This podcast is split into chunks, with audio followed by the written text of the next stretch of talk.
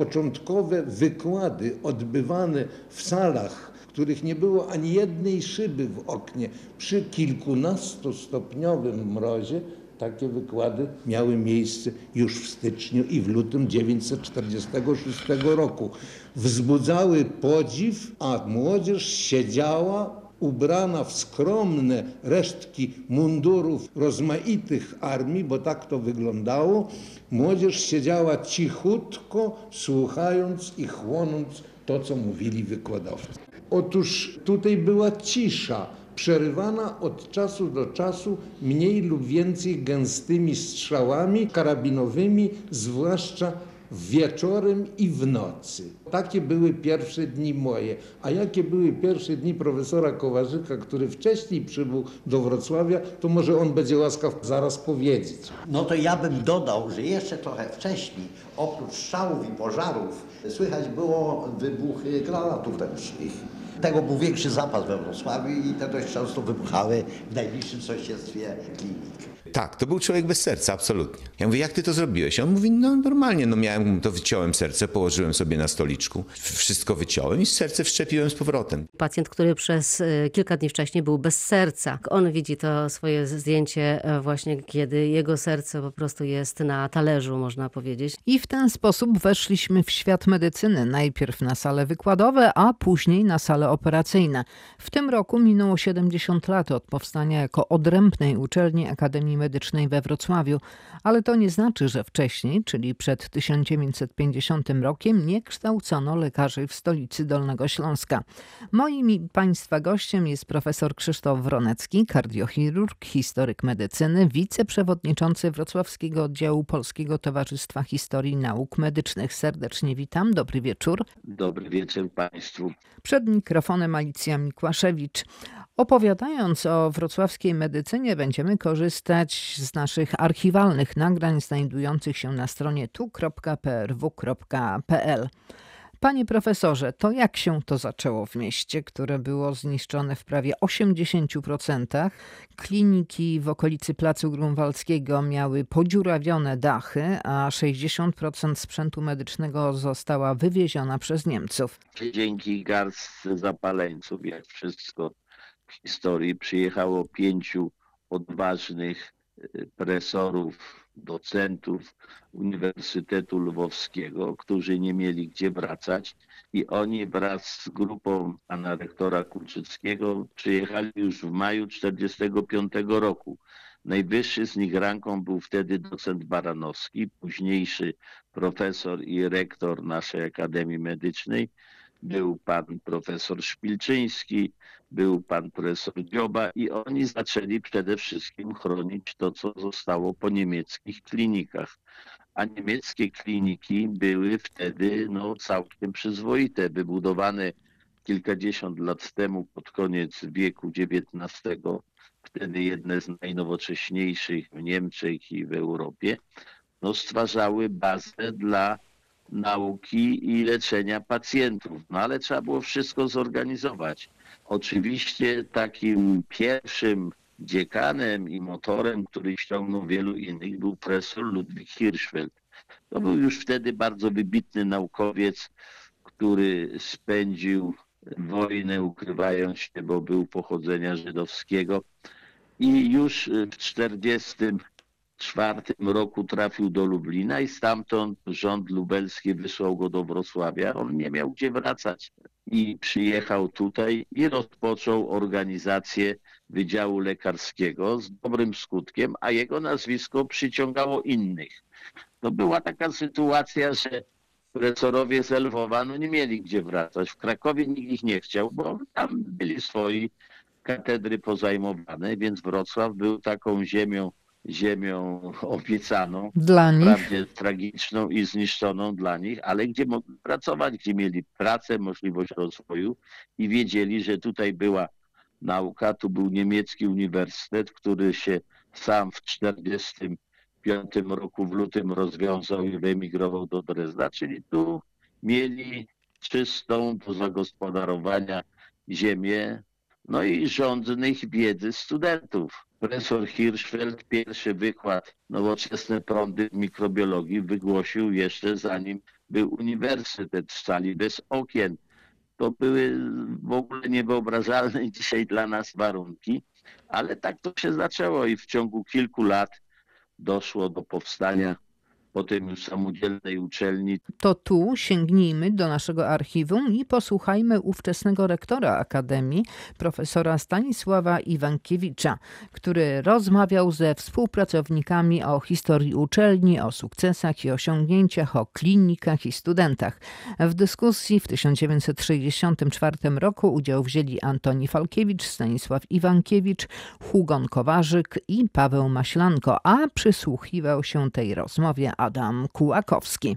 Od początku staraliśmy się pracować w tym kierunku, ażeby przede wszystkim jako uczelnia powstała bardzo wcześnie na ziemiach odzyskanych, uczelnia duża, ażeby z jednej strony zawiązywać kontakty z innymi wydziałami, następnie ażeby rozpocząć jak najbardziej racjonalne kształcenie i studentów, bo przecież lekarzy był bardzo wielki brak tuż po wojnie, niedobór, i pomocniczych sił naukowych, a więc pracowników pomocniczych zarówno do pracy naukowej, jak i do pracy dydaktycznej.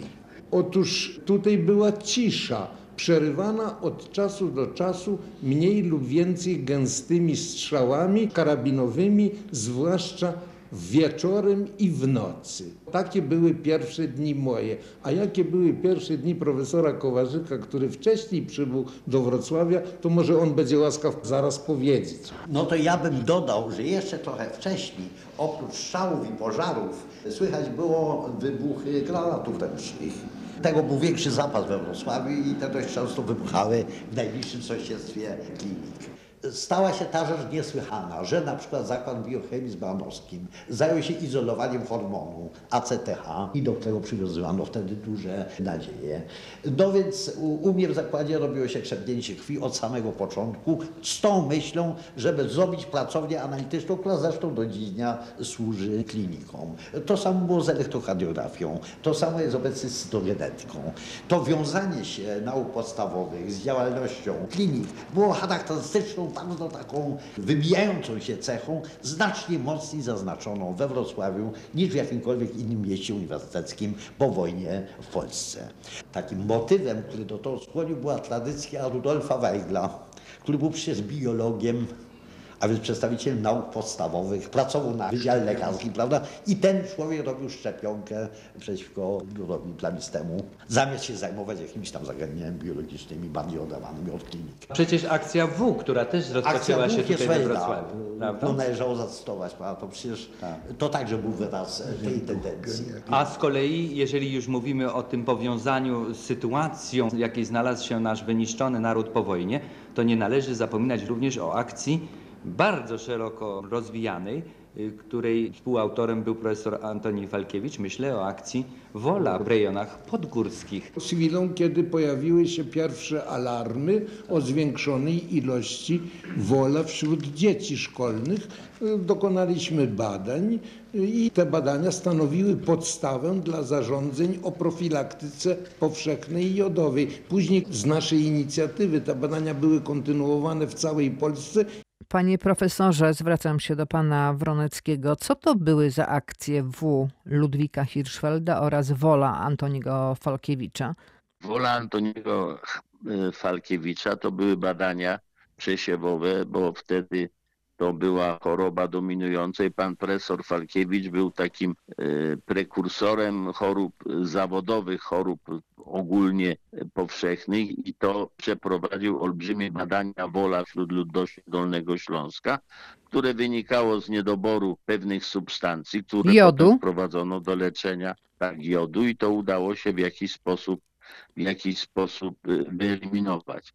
Natomiast profesor Hirschfeld był epidemiologiem i tutaj na pewno chodziło o badania zakażenia, które były wtedy no, po, straszną, tak jak teraz mamy pandemię koronawirusa, wtedy mieliśmy epidemię różnych chorób bakteryjnych, które szerzyły się wśród duru brzusznego i innych chorób, w których zwalczaniu Hirschfeld zasłużył się jeszcze w czasie wojny, kiedy to na froncie w Serbii uratował armię serbską od zagłady bakteriologicznej, także to wszystko wprowadzał również tutaj we Wrocławiu. Ale największym osiągnięciem Hirschfelda, którego niestety nie widziałem i nie pamiętam, znam tylko z opisu, było to, że wprowadził leczenie konfliktu serologicznego. To była bardzo taka spektakularna akcja, kiedy konflikt postawiał w zakresie grup AB i transfuzja wymienna, którą wykonał wtedy pan profesor Jabłoński, uratowała noworodkowi życie, a tym noworodkiem okazała się po 50 latach lekarka pediatra, która potem na filmie nakręconym przez Leno Kaletowo mówi, to ja byłam tym noworodkiem, któremu profesor Hirschfeld uratował życie. To są takie bardzo spektakularne akcje, o których się przyjemnie słyszy i opowiada.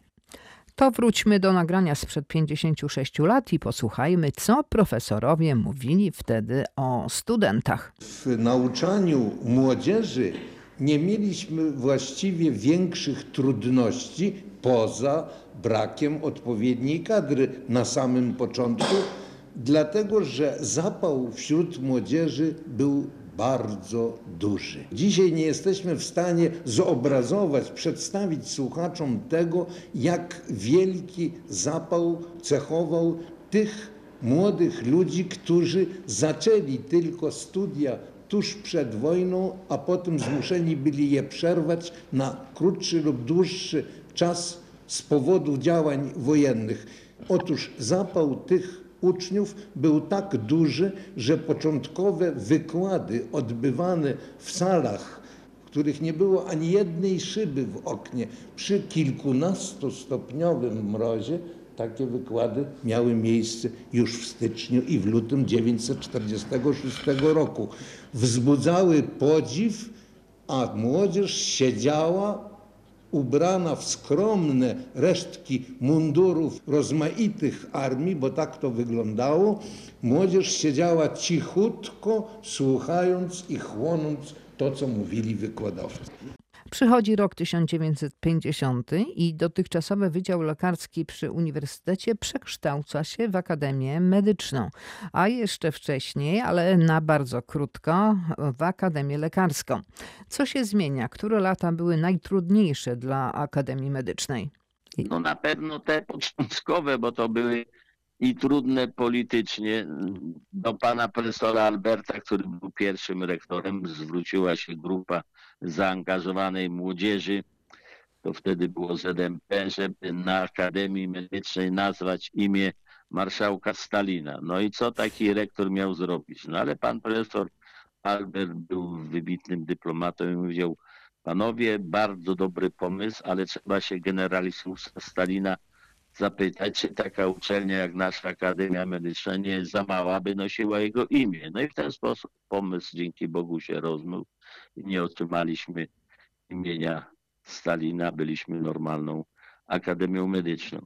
Na pewno te pierwsze lata były najtrudniejsze, bo to wszystkiego brakowało. Potem z roku na rok było lepiej i, i, i baza się poprawiała i studentów było coraz więcej i to wszystko było lepiej i, i możliwości były coraz większe i powoli zaczęliśmy gonić Europę, prawda, w dziedzinie na przykład kardiochirurgii, profesor Bros, który tutaj był takim sztandarowym nazwiskiem. To wszystko sprawiło, że Wrocław był takim liczącym się ośrodkiem naukowym, którym zresztą jest w pewnym sensie do dzisiaj. A co według pana profesora było największym osiągnięciem Akademii? Pewnie było ich wiele.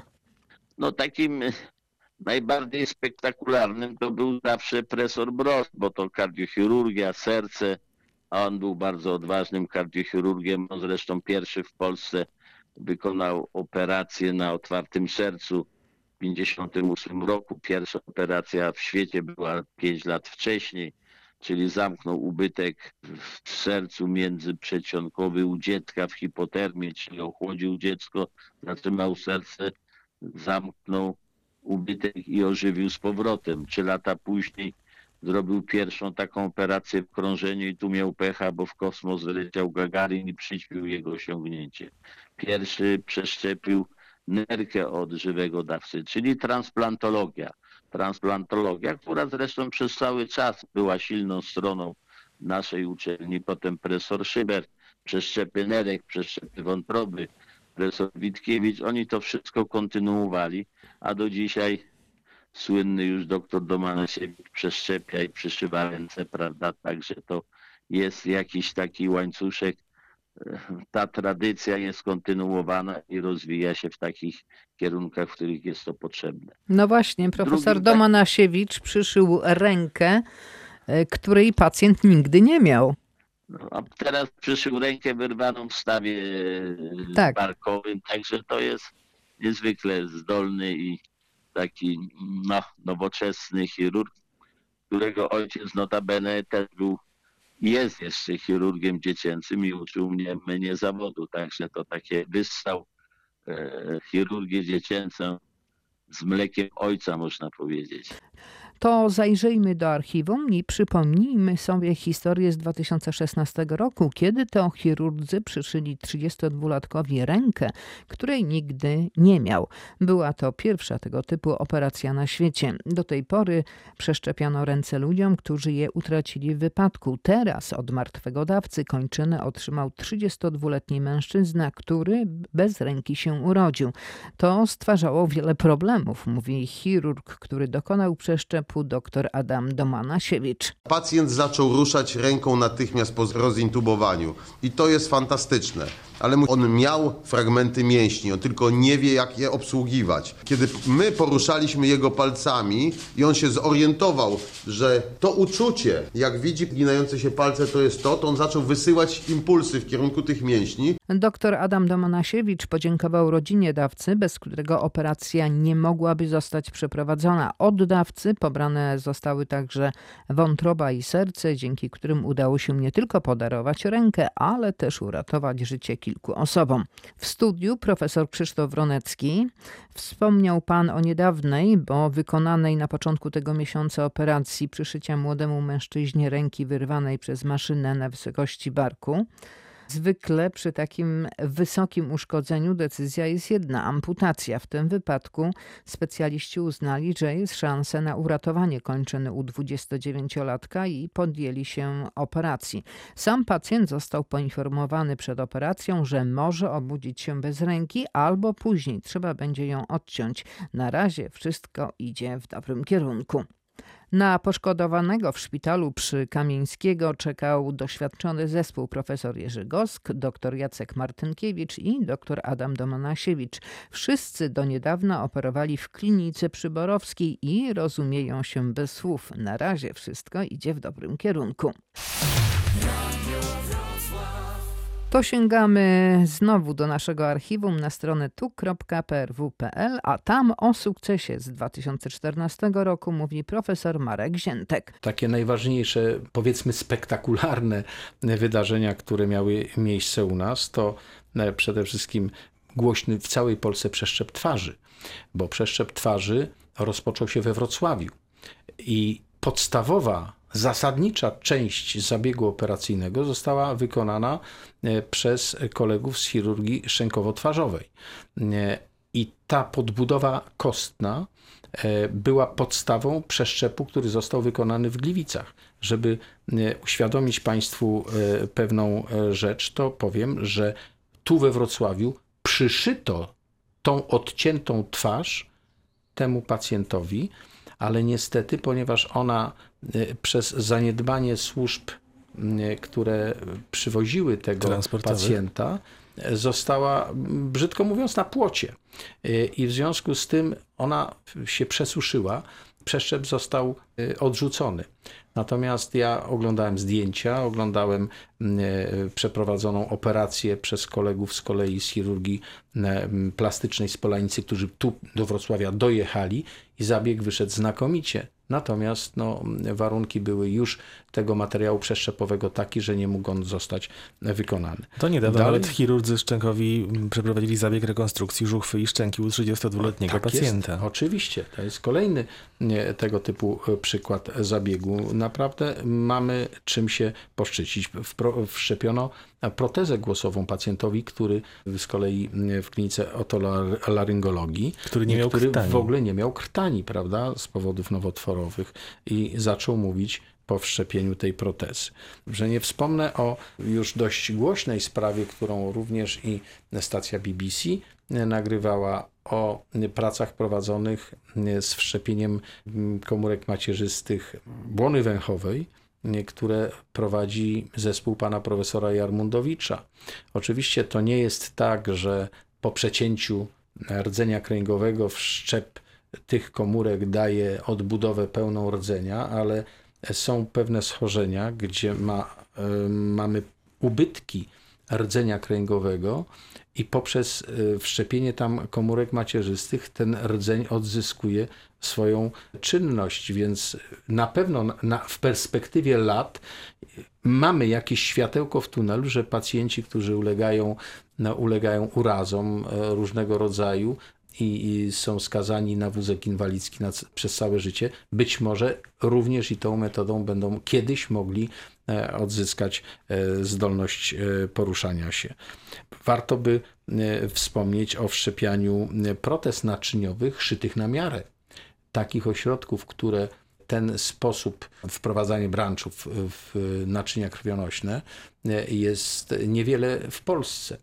E, Jesteśmy na Dolnym Śląsku jedynym ośrodkiem, który prowadzi przeszczepy wątroby.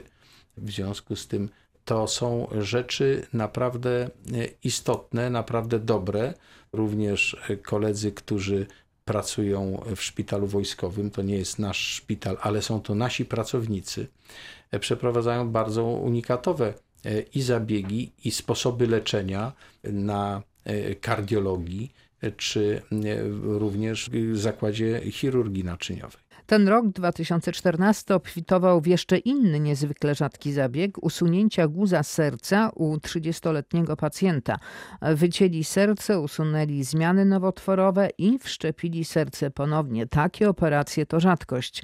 Lekarze z Wrocławia przeprowadzili pierwszą na Dolnym Śląsku i piątą w Polsce autotransplantację serca. Z pacjentem i lekarzem wykonującym zabieg rozmawiała Elżbieta Osowicz, która wytłumaczy, czym różni się transplantacja od autotransplantacji. Wszyscy wiemy, że jest zmarły dawca, pobiera się serce i po prostu się je wszczepia. W tym przypadku jest to serce właśnie tego e, pacjenta. Zresztą właśnie tak jak mówiliśmy, e, to wszystko widać, wszystko musiało się odbyć na zewnątrz, dlatego że nie było dojścia do tych wszystkich struktur zmienionych. Tam był po prostu nowotwór. Nowotwór serca to też rzadkość, a już taki zabieg to po prostu unikat. Zresztą nie tylko mnie zaskoczył ten zabieg, bo w szpitalu przy ulicy Borowskiej, gdzie do tego doszło, wszyscy o tym mówią. Pracuję rzeczywiście kilkanaście lat jako kardiolog, ale muszę powiedzieć, że o takim zabiegu słyszałem, nigdy nie widziałem, ale tutaj ważniejsza jest inna sprawa, a- mianowicie coś, co z punktu widzenia kardiologa ma fundamentalne znaczenie, proces kwalifikacji. On był imponujący z naszego punktu widzenia naprawdę. Pojawił się problem, kardiochirurg w osobie pana doktora Romana Przybylskiego podjął decyzję o tym, że są wskazania do pilnego zabiegu i ten zabieg został wykonany w trybie pilnym. Z efektem też wyjątkowym. Oczywiście czekamy na ciąg dalszy całej historii, ale było to przełomowe wydarzenie z bardzo wielu różnych mm, punktów. To kardiolog Robert Zymliński, który ma też na koncie kilkanaście lat swojej kariery zawodowej. Po prostu przechodząc, widząc y, doktora Romana Przybylskiego, po prostu nie mógł się nie powstrzymać, żeby powiedzieć, że to jest mistrzostwo świata. Zresztą sam szef Centrum Leczenia Serca w Szpitalu Przyborowskiej, profesor Ponikowski, Piotr Ponikowski, także był pod wrażeniem. Po pierwsze, tak jak pracuję, takiego zabiegu nie widziałem i to jest absolutnie unikalny zabieg, to po pierwsze. Ten pacjent nie miał innych szans. To jest młody człowiek, u którego przypadkowo zupełnie, w pełni zdrowia, wykryliśmy złośliwy nowotwór i żeby to usunąć, bo to jest absolutnie podstawa leczenia. Pan doktor Przybylski zdecydował się, żeby wyciąć serce, usunąć wszystko, a następnie serce wszczepić ponownie. Czyli to był człowiek bez serca. Tak, to był człowiek bez serca, absolutnie. Tak, to serce leżało. Najlepsza była ta narracja, którą wracam z Łodzi późna noc 11, 12, dzwonię do Romka, bo wiem, że jeszcze w szpitalu, a on mi mówi, ja mówię, jak ty to zrobiłeś? On mówi, no normalnie, no miałem, to wyciąłem serce, położyłem sobie na stoliczku, wszystko wyciąłem i serce wszczepiłem z powrotem. No i jest, e, myślę, w dużym szoku. Krzysztof Mrozek ma 30 lat, pochodzi z Przemyśla, ale teraz mieszka we Wrocławiu. Tutaj studiuje logistykę. Nie miał pojęcia, że jego stan jest tak bardzo poważny. Ja się czuję bardzo dobrze, naprawdę. W porównaniu do tego, jak tu przyjechałem, to czuję się idealnie. Właśnie, a jak pan się czuł, jak pan przyjechał? No, ja przyjechałem z krwiopluciem, to z takim dosyć silnym krwiopluciem. No niestety przytrzymałem go dzień w domu, ale okazało się, że następnego dnia było to samo.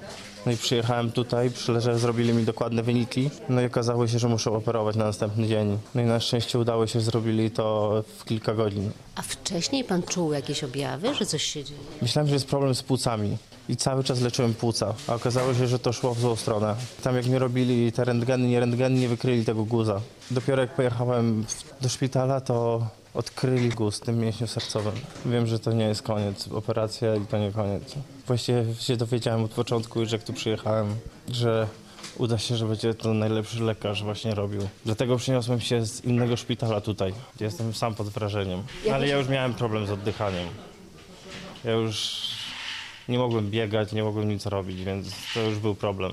Jeszcze chciałabym podkreślić to, że to mówi pacjent, który przez e, kilka dni wcześniej był bez serca. On widzi to swoje zdjęcie e, właśnie, kiedy jego serce po prostu jest na talerzu, można powiedzieć. Operacja była konieczna. Natychmiast pacjent miał właśnie szczęście, że trafił na Borowską, a to drugie szczęście, że właśnie do od niedawna pracującego tam doskonałego kardiochirurga Romana Przybelskiego.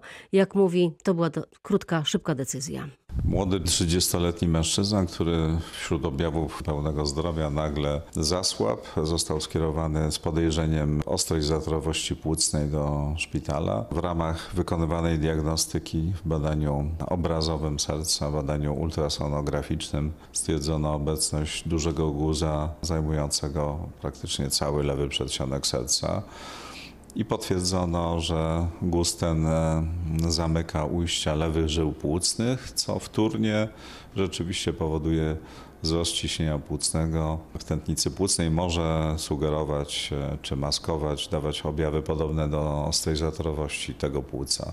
Czy była potrzebna pilna operacja? Rzeczywiście w chorobie nowotworowej można powiedzieć, że każdy dzień ma znaczenie, więc ta operacja była potrzebna, e, żeby ją wykonać jak najszybciej, żeby nie doszło do zamknięcia drugich żył płucnych. Tu no, chory nie przeżyłby tego. Konieczna operacja, teraz tylko jak to zrobić? No niestety, jeśli chodzi o nowotwory serca, to są one na tyle rzadkie, że doświadczenie wszystkich ośrodków polskich jest ograniczone. Tutaj rzeczywiście w Polsce podjęto próby leczenia takich zaawansowanych nowotworów serca poprzez wycięcie całego serca i implantację sztucznego serca. Natomiast tam, gdzie można to zrobić, to oczywiście naj, najkorzystniejszym jest ele- element leczenia polegający na wycięciu tego chorego fragmentu z pozostawieniem zdrowego, jeśli tylko ten zdrowy będzie w stanie pompować wystarczającą ilość krwi, aby utrzymać chorego przy życiu. Z kolei lekarze z Uniwersyteckiego Szpitala Klinicznego we Wrocławiu operują w sali przyborowskiej, ale obraz może być przesuwany w dowolne miejsce na świecie. Neurochirurg dr Paweł Tabakow w ten sposób przeprowadził spektakularną operację wszczepienia elektrod do mózgu 74-letniemu mężczyźnie. Dźwięk i obraz w najwyższej jakości udało się dzięki projektowi, który stworzyliśmy z naszą uczelnią, po raz pierwszy dostosować sprzęt medyczny naszej sali, który jest niekompatybilny z większością sprzętu audiowizualnego, do tego, aby stał się jak najbardziej kompatybilny i móc zademonstrować w czasie rzeczywistym w największej jakości wszystko, co robimy od kuchni, każdy detal naszej operacji, a więc dowolne źródło z endoskopu, z mikroskopu, z kamer podwiesionych nad pacjentem będzie można obserwować na żywo. Będziemy równolegle nadawać transmisję w trakcie operacji na żywo z kilku nośników informacji. Wszystkie osoby, które będą obserwować zabieg, będą przez nas też widziane, a zatem dwukierunkowy przesył obrazu i dźwięku będzie. My jesteśmy mniej ważni, natomiast specjalista jakiś gdzieś w Bostonie może siedzieć Może, i dokładnie. możecie się konsultować. Aha, to wygląda tak. Będziemy mogli w czasie rzeczywistym, bez większych opóźnień dźwiękowych i obrazu, konsultować, prowadzić operacje na żywo, szkolenia, dowolne projekty medyczne które można prowadzić na odległość. Pierwszy etap projektu polegał na przesyłu obrazu dźwięku tylko na salę seminaryjną dla studentów. To zrealizowaliśmy w ubiegłym roku. Drugi etap projektu to jest to, co realizujemy teraz. Przesył obrazu i dźwięku z naszego kampusa do kampusu Uniwersytetu Medycznego przy ulicy Skłodowskiej i Marcinkowskiego oraz do głównej biblioteki. To jest drugi etap. Trzeci etap to będzie polegać na przesył obrazu dźwięku poprzez sieć do dowolnego odbiorcy na świecie. Na ile to panu, jako operatorowi, to pomaga, na ile może rozpraszać? Taki system łączenia salą operacyjną zdecydowanie jest pomocny dla mnie, ponieważ nie ma widzów na sali operacyjnej. Zwiększamy bezpieczeństwo operacji, mniejsze ryzyko zainfekowania pola operacyjnego, mniejszy ruch na sali operacyjnej, mniej osób. Pacjent się czuje bardziej komfortowy, ponieważ ma kontakt wyłącznie z osobami, którzy, którzy go leczą, pielęgnują. My możemy sterować tak tym obrazem i dźwiękiem, iż możemy wyłączać dźwięk, pozostawiając obraz. W, w krytycznych momentach operacji my, my się możemy wyłączyć automatycznie z kontaktu z mówcami. My też możemy regulować. Nasi technicy regulują dźwięk, dostosowują do naszych e, wymogów i do momentu operacji. Ta pierwsza operacja, to czego dotyczy? Pierwsza operacja dotyczy chorego z drżeniem samoistnym rąk i głowy. Bardzo częsta, najczęstsza choroba zaburzenie ruchowe u człowieka, które w wielu przypadkach jest nieskuteczne, nie reaguje na leczenie farmakologiczne. To jest Parkinson? To nie, to jest choroba zwana drżenie samoistne, mylona z chorobą Parkinsona, ale cał- całkowicie inna choroba, której podłoże nie jest jasne, ona jest dziedziczna, powstaje w okresie dojrzewania i nasila się z wiekiem. Typową cechą dla tej choroby, że nie ma innych objawów poza drżeniem. Ona jest tak upośledzająca aktywność codzienną człowieka, nie pozwala wykonywać podstawowe codzienne czynności, jak mycie, ubieranie się, pisanie, otwieranie drzwi, wkładanie klucza do zamka. Pacjent jest już na oddziale, jest przygotowywany do zabiegu. Dzisiaj został przyjęty. Jakoś się żyje jeszcze człowiek, że człowiek się może ruszać A co te ręce robią? drżą. O, ja to wezmę tak, o, i, o, i już ręka drży cały czas. To się tak na, nasiliło, ale tak od pięciu lat ja, ja się leczę e, u neurologa, no ale to coraz wyższe dawki leka dawali. Nie pomaga, no. Ręce uciekają. Radzi pan sobie, jak sobie przytrzyma pan ręce. To jak w nocy to ja śpię, to tak ręce zakładam i to jedna drugą trzyma, nie? No. Pan się uśmiecha, ale łatwo nie jest. No nie wiem, no, no, ale trzeba życie brać takie, jakie jest. Nie? Jak się denerwuje, to drżenie się nasila, a w nocy ustępuje. Jak pacjent śpi, to jest taka choroba, iż on nie ma drżenia, ponieważ nie ma takiej aktywacji układu nerwowego. W momencie, gdy się obudzi, to to drżenie gwałtownie przyrasta i denerwując się tym stanem, on dodatkowo potęguje ten objaw, co upo- upośledza, to jest właśnie błędne koło, upośledza jego aktywność. Co możecie zrobić dla niego? Możemy wyleczyć objawy tej choroby poprzez głęboką stymulację mózgu, obustronną stymulację wybranych obszarów mózgu i przerwanie nieprawidłowych połączeń, odwracalne przerwanie połączeń w mózgu poprzez włożenie symetrycznie dwóch elektrod na podstawie techniki stereotaksji, czyli dokładnego planowania przedoperacyjnego i śródoperacyjnej identyfikacji efektu. Neurolog z neurofizjologią ocenią przy próbnej stymulacji w trakcie operacji, jakie są efekty. Po drugie, pacjent będzie przytomny nam powie, jakie są efekty korzystne lub niekorzystne, uboczne, jeżeli takowe są. I pacjent w zależności od swojego zawodu, jeżeli na przykład jest muzykiem, może wziąć instrument i zagrać na sali, albo coś może napisać. Próbujemy dać jakieś zadanie, które on będzie sam wykonywał w trakcie operacji i porównywał, na przykład pisał na kartce, rysował kółka, kreski. Zadamy pacjentowi standardowy test kilku zadań, który zadajemy wszystkim pacjentom i tak ocenimy efekt. Co najbardziej pan by chciał zrobić, a nie może teraz? Ja taki mam warsztacik i ja tam chciał sobie ogrzebać, bo to chodzi z żoną w domu cały, cały dzień, to, to nie wytrzymał. To, a, Chciałby sobie pan pomajsterkować. no, no, a, a tak mam problemy, że śrubokrętem nie trafię na rowek, żeby... A jedzenie?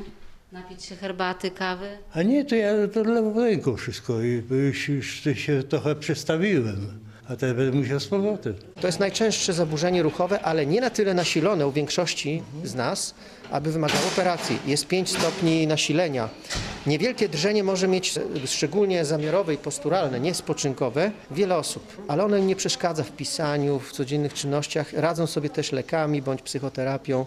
Niewielka grupa pacjentów, około 30%, ma bardzo ciężkie drżenie. Czyli mamy czterostopniową skalę oceniającą drżenie i my tych trzeci, czwarty stopień drżenia.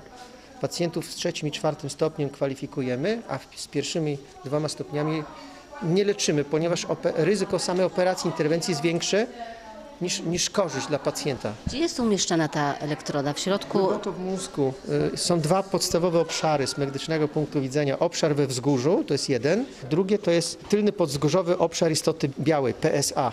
Czyli trzeba otworzyć czaszkę. Trzeba otworzyć czaszkę, wprowadzić dość głęboko elektrody. Krótkim okresie czasu, dosłownie kilka sekund po zadziałaniu prądu w mózgu zadawanego przez stymulator, pacjentowi całkowicie powinny ustąpić objawy. Tak szybkiej, spektakularnej poprawy w neurochirurgii funkcjonalnej nie widzimy. Nawet w innych chorobach, jak choroba Parkinsona, dystonia, które są leczone tą techniką, poprawa trwa kilka tygodni i ona jest połączona ze stosowaniem jeszcze le leków, dodatkową rehabilitacją pacjentów z drżeniem samoistnym.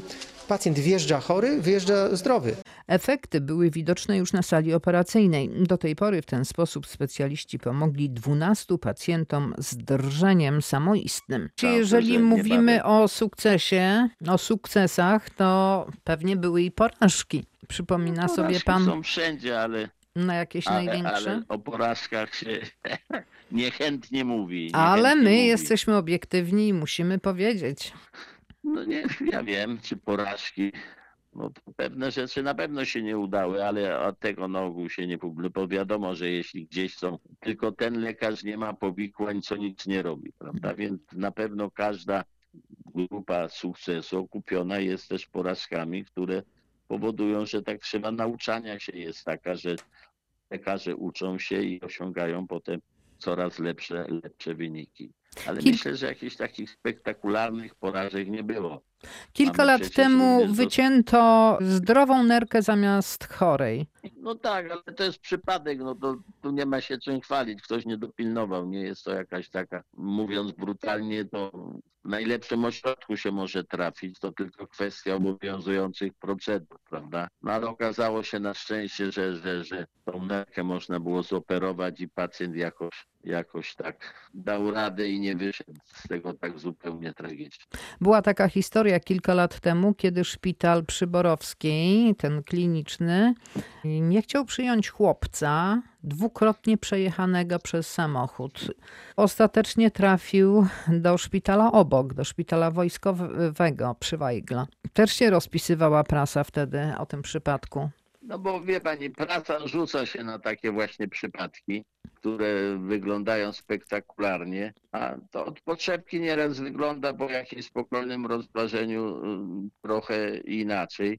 Ale oczywiście, że przyjmować trzeba, ale jak nie miał go kto zoperować, to co by mu to pomogło, żeby go przyjęli i on by umarł, a tam w szpitalu obok był zespół, który potrafił to zaopatrzyć. To jest znowu kwestia To była taka przyczyna właśnie zdrowia. tego Tak odesłania chłopca? tego, Nie było ja wiem, zespołu to tak- gotowego? taka była przyczyna, że nie było zespołu, który by mógł to zoperować. To teraz podobnie jak się teraz dzieje z COVID-em, prawda? Ale z tego, co ja się już teraz zdążyłem zorientować, jest koordynator, który kieruje pacjentów tam, gdzie są odpowiednie łóżka i jakoś to wygląda, przynajmniej we Wrocławiu, no tak e, do mnie to dociera przyzwoicie, jak to jest naprawdę nie wiem, bo tym się bezpośrednio jakoś nie zajmuję. Były też historie z rektorami. Pan y, rektor Andrzejak został posądzony o plagiat i musiał opuścić swoje stanowisko rektora Akademii Medycznej. Wie pani, to jest tak, że opluć człowieka i coś mu łatwe przyczepić prosto, a potem przywrócić honor i prawdę, to, to, to trudno. Ten plagiat rektora Andrzejaka był bardzo dęty. Jest taki ścigacz plagiatów, pan doktor, czy już teraz profesor Wroński, z którym kiedyś rozmawiałem w tych czasach, jak to był ten plagiat. Mówię, pan tam się nic takiego nie stało, tylko chłopak, y, on złą politykę też popełnił, miał się wycofać, by to od, oddali, bo to się w sumie okazało, że tego plagiatu de facto nie było, ale rektor, plagiator pozostał, prawda? No i teraz biedny pan profesor Andrzejak z takim piętnem odszedł, no to był i jest bardzo porządny człowiek, dobry, dobry internista, który tego plagiatu de facto nie popełnił. No takie jest życie, niestety. Ale rektor Marek Ziętek y, był również oskarżony o między innymi korupcję, ale został uniewinniony. No A pan Andrzejak? Ziętek, on też w zasadzie został po latach uniewinniony, bo tytułu mu nikt nie zabrał, Także że, że tylko to wszystko gdzieś już tam utonęło w mrokach historii, a zaczęło się od człowieka, który nie chcę mówić, nie wymieniać jego nazwiska, który się zaprzysiągł najpierw, że najpierw, że wykończy Andrzejaka, potem, że wykończy Ziętka, ale aż się sam chyba wykończył i, i, i to wszystko umarło sprawą naturalną.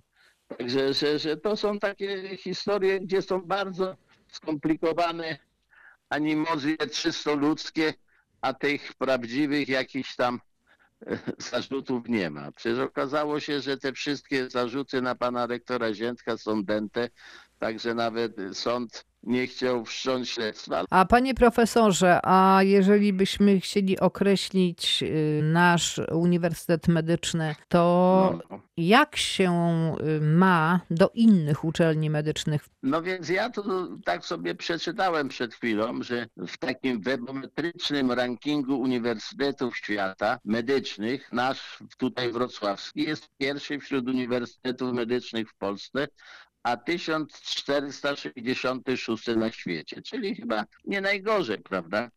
Także ma doskonałą kadrę, ma prawie 2000 pracowników naukowych, 5600 studentów jest, kształci na 10 kierunkach, ma dwa kierunki w języku angielskim, no jest dobrym uniwersytetem, liczącym się, dobry uniwersytet, mający dobrych naukowców, mających, mający rektora wizjonera, pana profesora Ponikowskiego, który wie, co chce, ma swoją wizję, jest jeszcze młodym człowiekiem i pociągnie ten uniwersytet na pewno do przodu korzystając oczywiście, mam nadzieję, z wielkiej tradycji, bo jego taki młody prorektor nawet się zabiera za tworzenie Muzeum Historii Medycyny, któremu od lat się tego nie udało, a co zawsze było moim wielkim marzeniem. Spektakularne operacje, przeszczepy y, i to jest właśnie ta sól ziemi, którą każdy uniwersytet ciągnie do góry. A kogoś by jeszcze pan wymienił ważnego tutaj we Wrocławiu Jeszcze bym wymienił kardiochirurga dziecięcego pana profesora Patkowskiego, który jest tak trochę w cieniu, bo to zawsze dzieci są w cieniu dorosłych, ale to jest jeden z najwybitniejszych e, chirurgów dziecięcych w Europie dotyczących, e, jeśli chodzi o operację przełyku. On teraz ostatnio występował w niedzielę z dzieckiem, które miało 6 centymetrów, brakowało przełyku i udało mu się to wszystko zoperować. To dziecko żyje, normalnie się rozwija i będzie zupełnie normalne. Ale on już od lat, on od lat jeszcze od profesora Czernika, czyli 10 lat zaczął działać i cały czas działa powolutku, powolutku, jeździ po całej Europie, operuje, pokazuje jak się operuje. Pierwszy raz zaoferował przełyk w Dubaju, torakoskopowo była operacja do zrobienia w Bazylei, no to wsiadł, że tak powiem, w samolot poleciał z Curychu do, e, do Curychu, z Curychu pociągiem zoperował i wrócił. To człowiek, który jest już instytucją samą w sobie i tylko dzięki swoim złotym rękom. Profesor Dariusz Patkowski. Jeszcze pani o nim usłyszy? No, Już słyszałam, słyszała, no już to- mnie Ela Osowicz właśnie. poduczyła. no a poza tym normalny, skromny człowiek i do tego jeszcze pierwszą ranę, że tak powiem, u dziecka szył pod moim okiem, jak byłem wybitnym adiunktem, a on zaczynał swoją pracę, nie 30 lat temu. Zdajemy sobie sprawę, że trudno 70 lat, a nawet więcej opowiedzieć w 50 minut, ale te 7 dekad zobowiązuje przynajmniej do przedstawienia zarysu historycznego obecnego Uniwersytetu Medycznego. Moim gościem był profesor Krzysztof Wronecki, kardiochirurg i historyk medycyny. Pięknie dziękuję. W programie korzystałam z naszych archiwalnych nagrań ze strony tu.prw.pl. Alicja Mikłaszewicz. Dobranoc, do usłyszenia.